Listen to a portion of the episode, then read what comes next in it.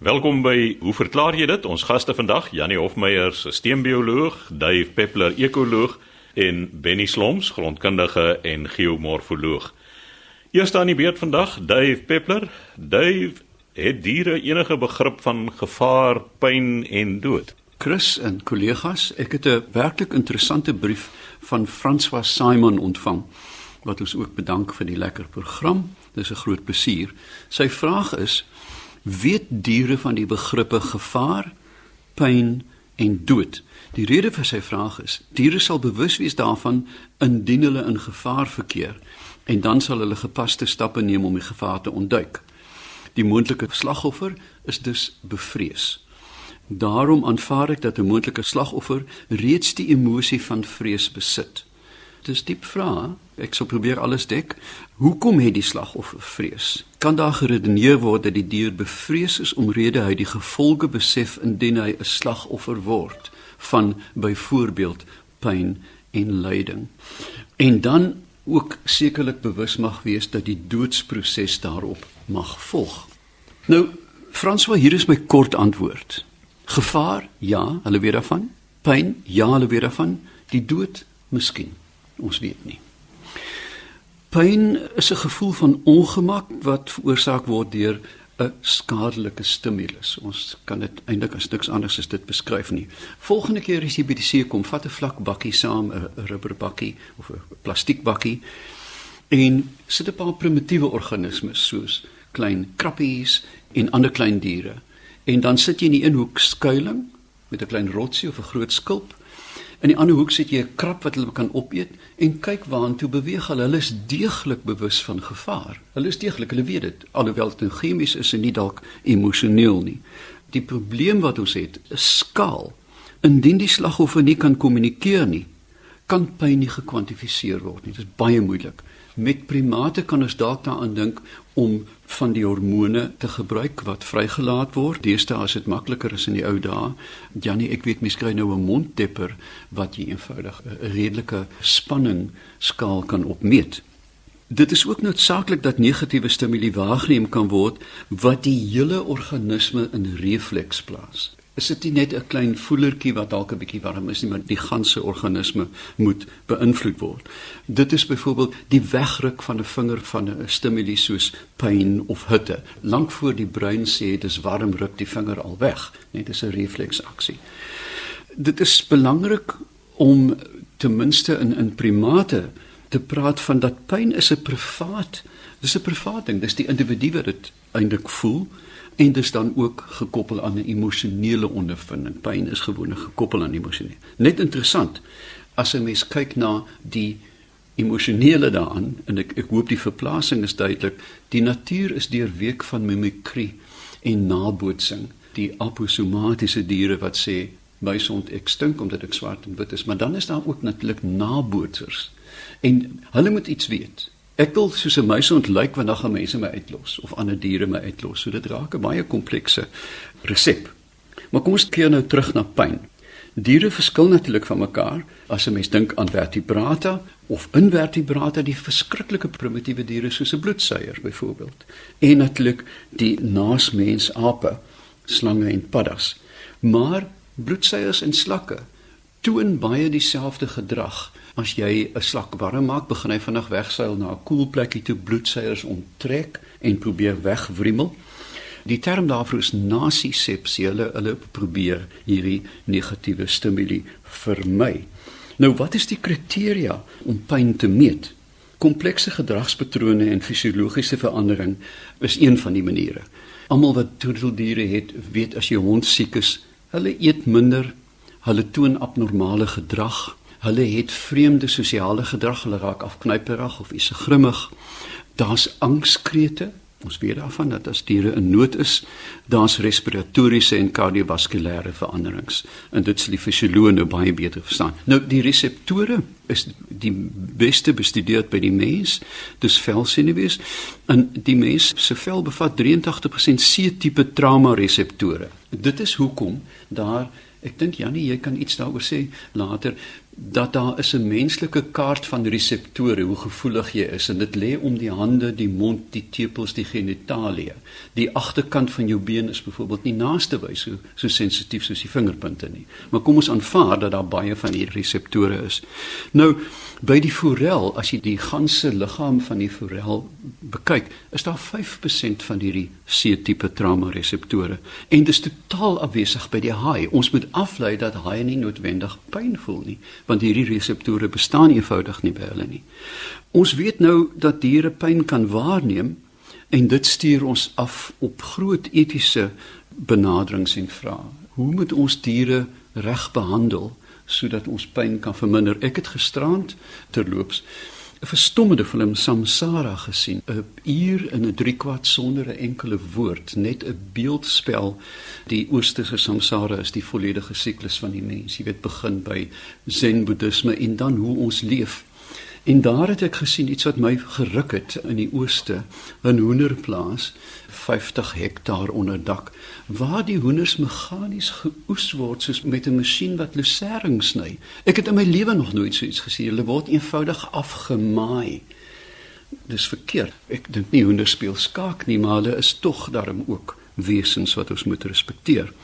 Wat van varkplase, wat van beesplase? Ek ry met 'n beangste hart deesdae verby die melkplase waar beeste in die verskriklikste son staan in hulle eie ontlasting en daar word verwag dat ons gesonde melk drink en hulle noem dit organies. Dit is wel organies want hulle staan in hulle eie ontlasting.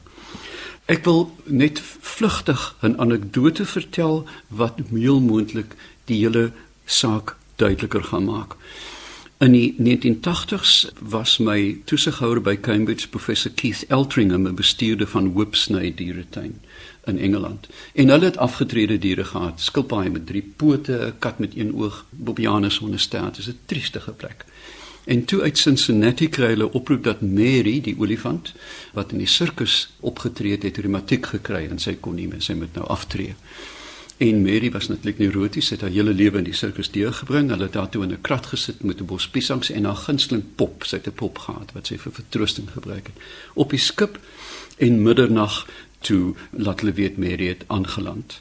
En wat moet hulle doen? Hy sê sit hulle in die hok langs die ander olifante dat hulle mekaar kan besnuf en dan kan julle môreoggend die hek oopmaak. 'n uur later kom die oproep dat alle helle het uitgebars. Die olifante is heeltemal hysteries. Die hele hok is aan fladder geruk. En Keith sê toe maak oop die hek en dat hulle dit maar self uitsorteer. Mary het die ander groep olifante binne gestorm na 'n ander wyfie olifant, koei altans. Dat ek nou weer 'n debat begin oor koeie en wyfies nie. En haar slurp oor die olifant se kop gegooi en daar gestaan. Dit het hulle 6 weke geneem om uit te werk dat hierdie twee susters was wat 40 jaar van tevore geskei is in Afrika en die Whipsnade olifant was in Frankfurt en Mary was in Amerika. En die oomblik toe sy geland het, het sy geweet dis familie. Nou met so 'n sintuiglike omgewing moet ons aanvaar dat hierdie diere emosioneel diep kan beleef dat hulle vreugde kan hê en dat hulle heel moontlik ook 'n aanduiding van die dood kan hê. Gewonde olifante en olifante wat troppe wat gejag word aggressief, want hulle weet die uitkoms van daai knal is die dood en heel moontlik lyding. So, ek dink ons skuld dit aan alle diere en ek sal nou nie eintlik 'n vloei vertroetel nie, maar meeste van die diere waarmee ons omgaan, dit sluit plaasdiere, landboudiere en ook wilde diere, moet ons altyd die voordeel van die twyfel gee juis omdat ons nie weet nie. So sê Dave Peppler, ons ekoloog, Janie Hofmeyer, ons Janie, daar's 'n bygeloof dat as 'n mens 'n bottel vonkelwyn net so halfpad gedrink het, dan sit jy maar net 'n teelepeltjie in die bottel en dan bly die gas daar. Ja, Chris, dis nou 'n hele ander onderwerp hierdie. Dit gaan meer oor die plesiere van die lewe as mens nou 'n botteltjie vonkelwyn kan oopmaak en Chris van die Herden van Verlies dorp, die sê sy skoonsister is 'n chef. En sy het vir hom vertel van hierdie truc wat jy genoem het wat verhoed dat koolsuurgas ontsnap uit die vonkelwyn uit wat oorbly as jy nou 'n oopgemaakte bottel het. Hy sê hy voorspel dat ons nou jou span waarskynlik nooit daai probleem het nie en hy is waarskynlik heeltemal reg. Maar in elk geval as mens nou so 'n halwe bottel volkewyn het, dan is die idee dat jy 'n metaallepel of 'n teelepel steelkant eerste in die bottelnek indruk, sodat die skepgedeelte nou verhoed dat die lepel in die in die bottel val. En as mens die bottel nou in die yskas hou, is die meeste gas die volgende dag dan nou nog binne in die vonkelwyn. So nou vra Chris, is dit nou die metaallepel wat die temperatuur in die bottel verlaag en koue lug wat afsak of hoekom gebeur dit? Aan die ander woorde verkoel die lepel op 'n manier nou die lug en dit verhoed dat die botteltjies ontsnap. Hierdie triek is, is blykbaar eeue gelede al soos wat mense kan verwag deur die Franse uitgedink. Waar mense geglo het eintlik dat die silwer op die lepel, natuurlik daai dae het ons nou nie vleklose staal en goed gehad nie, dit was silwerlepels, dat die silwer op die lepel die wyn nou gekarboneer hou, dat die koolsuurgas binne bly, deurdat dit sou verhoed dat die botteltjies nou uit die vloeistof ontsnap. Nou, soos wat ons nou gehoor het, 'n hedendaagse populêre verklaring is dat die lepelhandvatsel wat nou in die bottelnek hang, die lug in die bottel verkoel en omdat koel lug digter is as warm lug, lê dit op die oppervlak en vertraag sodoende die tempo waarteen die koolsuurgasbotteltjies uit die vloeistof ontsnap. Nou, moet jy eerlik sê, die fisika agter hierdie argument is is baie verdag. Dink nou mooi daaraan, as jy die bottel in die yskas hou, dan gaan die temperatuur van die tonkelwyn, die lepel en die lug in die bottel ekwilibreer. Hulle gaan almal presies dieselfde temperatuur in die yskas hê, so daar's geen kwessie daarvan dat die koeler lug op 'n op 'n vlak van die vloeistof kan lê nie. Nou jy kan jou nou voorstel natuurlik dat hierdie saak tot in middernagtelike ure gedebatteer word, veral as daar nou nog 'n paar leë champagnebottels daar rond staan. En die mense wat nou sweer by die geloofie, die natuurlik doen dit op grond van hulle eie uitgebreide ervaring sê hulle. So die eerste vraag is natuurlik of sulke gewishede berus op die resultate van goed ontwerpte eksperimente met die nodige kontroles. Maar my tweede vraag is of mens enigiets kan glo van mense wat uh, champagne in 'n bottel agterlaat. So dis al klaar vir my vandag. So kom ons hoor wat sê die deskundiges. So die direkteur van die Champagne Bureau, François Peretti, die sê dat hulle navorsing gewys het dat hierdie iets wat romantiese bewering heeltemal onwaar is. En daar is dan 'n uh, chemikus van Stanford met die naam van Richard Zer en hy sê daarmee saam. En wat vir my die saak beklink het is dat hy saam met die kosguru Harold McGee het hy eksperimente gedoen. Nou ek is 'n man wat sterk glo aan Harold McGee en sy wonderlike boek oor die soort van chemie van die kombuis en van kos. So wat hulle gedoen het is om ontkurkte champagnebottels met en sonder lepels vir 26 uur te verkoel en dan te toets of die vonkel verskil het. Ja, hulle kon natuurlik doen nou nie geen verskil waarneem nie. Maar ek moet sê die eksperiment was nou nie werklik onder laboratoriumkondisies gedoen nie, maar was tog baie goed beplan en noukeurig uitgevoer. Het gesorg dat die champagne alles van dieselfde, nou ek sê wat is die Afrikaans vir batch? Almal van dieselfde batch en die druk is gemeet in verskillende kondisies, soos byvoorbeeld oopgemaakte bottels met of sonder 'n lepel of bottels wat nadat hulle oopgemaak is, weer met 'n kurk of 'n ander soort prop toegemaak is. En die resultate het hulle vermoedens bevestig.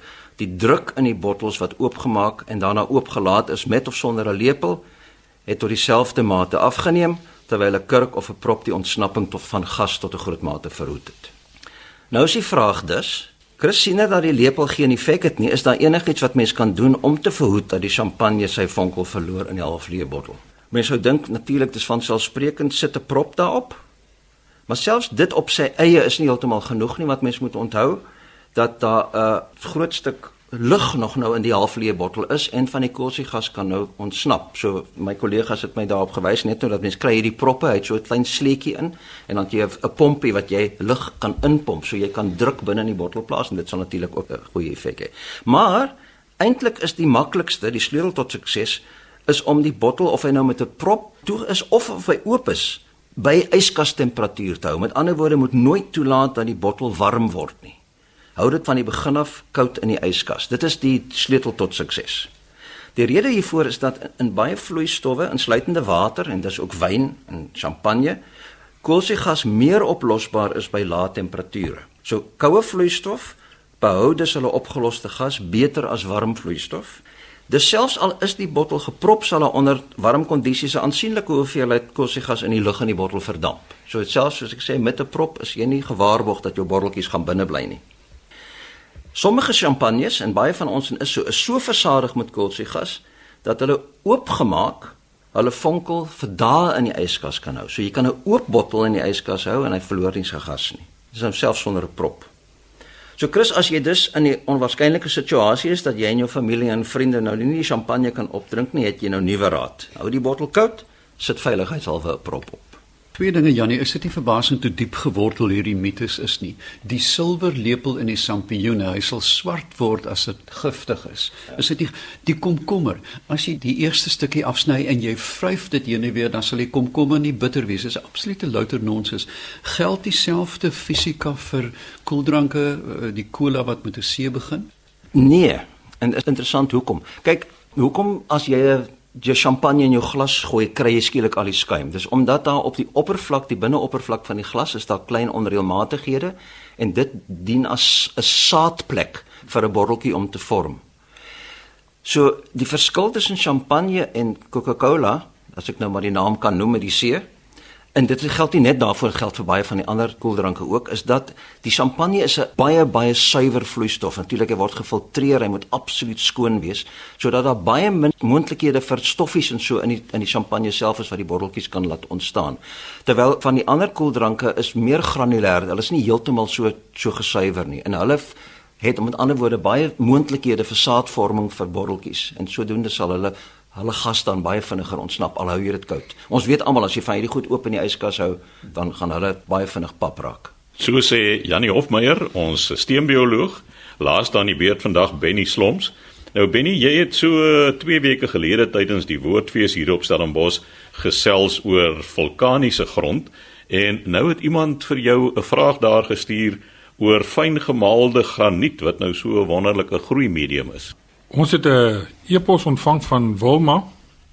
Wilma Marits van die instansie Biofarm Solutions en sê vir my 'n volledige ontleding gestuur van graniet wat baie fyn gemaal is en dan ook waarvoor dit goed is.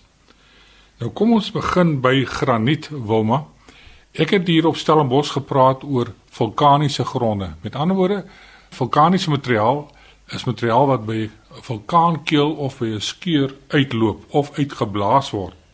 Graniet is 'n suurstollingsgesteente, 'n plutoniese gesteente wat nooit die oppervlakte bereik het nie, maar binne in die aardkors afgekoel het.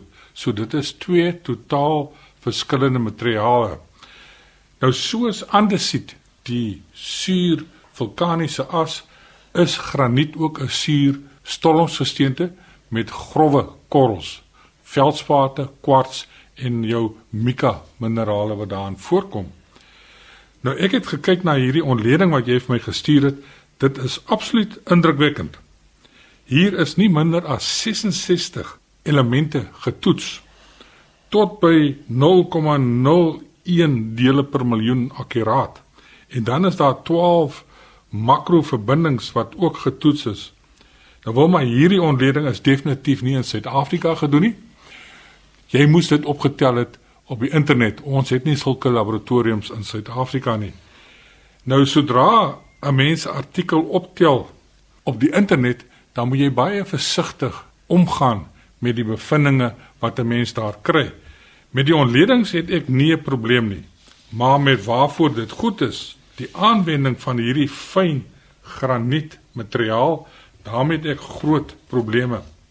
Ek het wel ook 'n vraag, miskien kan jy vir my die antwoorde stuur. Waar kry julle hierdie fyn granietstof om dan nou te verkoop as 'n ameliorant in die landbou? Ek kan aan twee plekke dink. Die een is natuurlik waar 'n mens graniet klip verwerk tot grafstene of blaaie wat 'n mens in die uh, kombuise kry. Die goed word met corundum saal word dit gesaag en ek vermoed daar sal baie afvalstof wees en natuurlik ook daar waar die graniet in die natuur gemyn word, daar sal ook heelwat granietstof wees. Om graniet te maal tot so 'n fyn stof sal ontsettend duur wees want dit is 'n baie baie harde gesteente. Nou wat ek graag wil weet of hierdie tweede bladsy wat nou sê hoekom is granietstof so uniek en waarvoor dit nou goed is in die grond of dit ook van die internet afkom. As dit so is, dan verstaan ek dit wel, né? En ek wil net sê hier's baie baie aannames wat hier gemaak word. Ek gaan nie almal behandel nie, maar onder andere sê hulle dat hierdie granietstof, onthou, graniet is 'n suurstollingsgesteente. Jy kan dit gebruik om grondsuurheid op te hef Met ander woorde, dis 'n tipe alkali wat jou pH sal opstoot. Nou dit is bloot nie waar nie. Dit vervang alle mikroelemente wat die plant nodig het. Daar's veel te min daarvan in die ontleding. Dit sal nie werk nie. Dit keer stikstofvaslegging. Dit sal dit wel kon keer indien dit die pH sou opstoot. Ag, fosfaatvaslegging. Fosfate word vasgelê by baie lae pH. As jy die pH regstel met kalk, dan kan jy fosfaatvaslegging regmaak. En dan 'n ander ding wat my pla, is dat die kation uitruil vermoë sal verhoog word, die vogretensie vermoë word verhoog ensovoorts ensovoorts. Hierdie goeie eienskappe wat nou toegeskryf word aan hierdie granietstof laat my baie dink aan hierdie tradisionele healers in sangomas wat 'n mens buitekant hulle winkeltjie is daar so plakkaat opgeplak waarvoor die medisyne alles sal help van jou skuld wat jy het tot die mense wat kwaad is vir jou jou vrou sal weer lief wees vir jou en al daai dinge. Daar is nie 'n ding wat nie gedek word nie. Dit so lyk dit ook hier by die goeters wat nou gekoppel word aan granietstof. En dan die aanbevelings daar so 'n tabelletjie onderaan hierdie lys. En daar word gesê soveel tot soveel milliliter per boom of per plant of per hektaar. Nou granietstof is nie oplosbaar in water nie. Ek weet nie waar die milliliters vandaan kom nie, want jy kan dit nie uitspuit nie. Hy sal net neerslaan as 'n sediment in water as jy daarin gooi. Ek is nou vir baie jare lank in die landbou en ek het baie van hierdie sogenaamde wonderprodukte gesien wat mense verkoop aan boere wat nie werk nie. Jy kan nie met 'n wonderstof soos graniet 'n paar gram per boom gooi en dan vervang jy die hele bemestingsprogram van daardie boom nie. Dit is bloot net nie waar nie. So die goed wat julle van die internet kry, wil maar moet julle maar 'n knippie sout vat. In hierdie sou julle dalk 'n paar knippies sout moet vat, maar ons kan nog gesels vorentoe. Dit is baie interessant binne ons kom dit elke dag te. Ek het juis in 'n volgende program gaan ek so 'n bietjie praat oor appelasyn wat ook op die internet so verkondig word as 'n wonderkuur vir feitelik alles. Benny, ek kyk nou met krisis oë na die analise van wat verkoop word deur 'n firma hier in Suid-Afrika en versprei word heel moontlik by die betrokkenes. Nou as my plantvoeding 26 dele per miljoen yttrium het en hafnium en hoë vlakke van selenium, tellurium en 3 dele per miljoen kook, dan gaan ek dit nie op my tomaties gooi nie. Dis reg, Dave. Ek het daai lys so deurgegaan. Dit lyk amtrent soos die hele periodieke tabel wat daar is. Daar is self goud ook in graniet wat wat heel moontlik waar is. En die meeste van die swaarder elemente wat mense hier kry, kom natuurlik uit die biotiet gedeelte van die graniet. Maar mens moet nooit vergeet dat die oorgrootste meerderheid is maar silikaoksied. Dis sand en dan is daar aluminium oksides wat meer as die helfte ver meer as die helfte uitmaak. En die res is maar 'n paar dele per miljoen en selfs minder as 1 deel per miljoen. So in die hoeveelhede wat gegee word, ek meen dis sal nie 'n val kol maak in die landbou nie. So sê Benny Slomps, ons geomorfoloog en grondkundige, skryf gerus aan ons by hoe verklaar jy dit?